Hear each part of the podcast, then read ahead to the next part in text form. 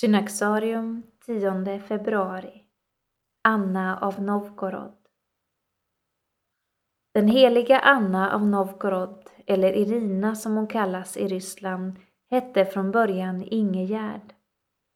Hon levde under första hälften av 1000-talet och var dotter till Olof Skötkonung, Sveriges första kristne kung.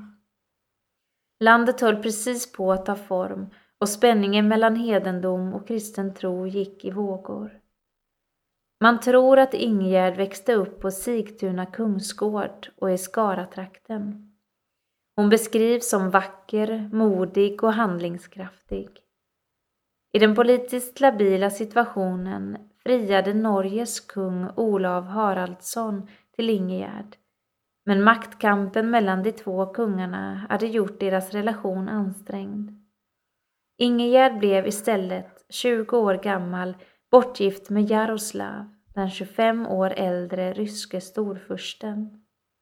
Hans far Vladimir hade låtit hela Kievriket kristnas genom mission från Konstantinopel år 988. Ryssland var vid denna tid kosmopolitiskt betydande och giftermålet därför fördelaktigt för Sverige. Under Jaroslav och Ingegärd inföll det fornryska rikets guldålder. Jordbruk, hantverk och handel blomstrade. Ingegärd försökte aktivt medla mellan Nordeuropas furstar och lyckades också stifta fred mellan Jaroslav och hans bröder som legat i krig. Med tiden engagerade sig Ingegärd allt mer i kyrkans liv.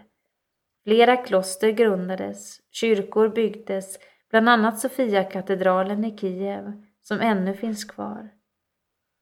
Mot slutet av sitt liv gick Ingegärd i kloster och fick namnet Anna. Hon är den första i en lång tradition av förstepersoner som valde klosterliv. Anna blev en mycket älskat helgon i Ryssland, särskilt i Novgorod. Hon begravdes tillsammans med Jaroslav i Sofiakatedralen i Kiev. Även deras son, först Vladimir, helgonförklarades.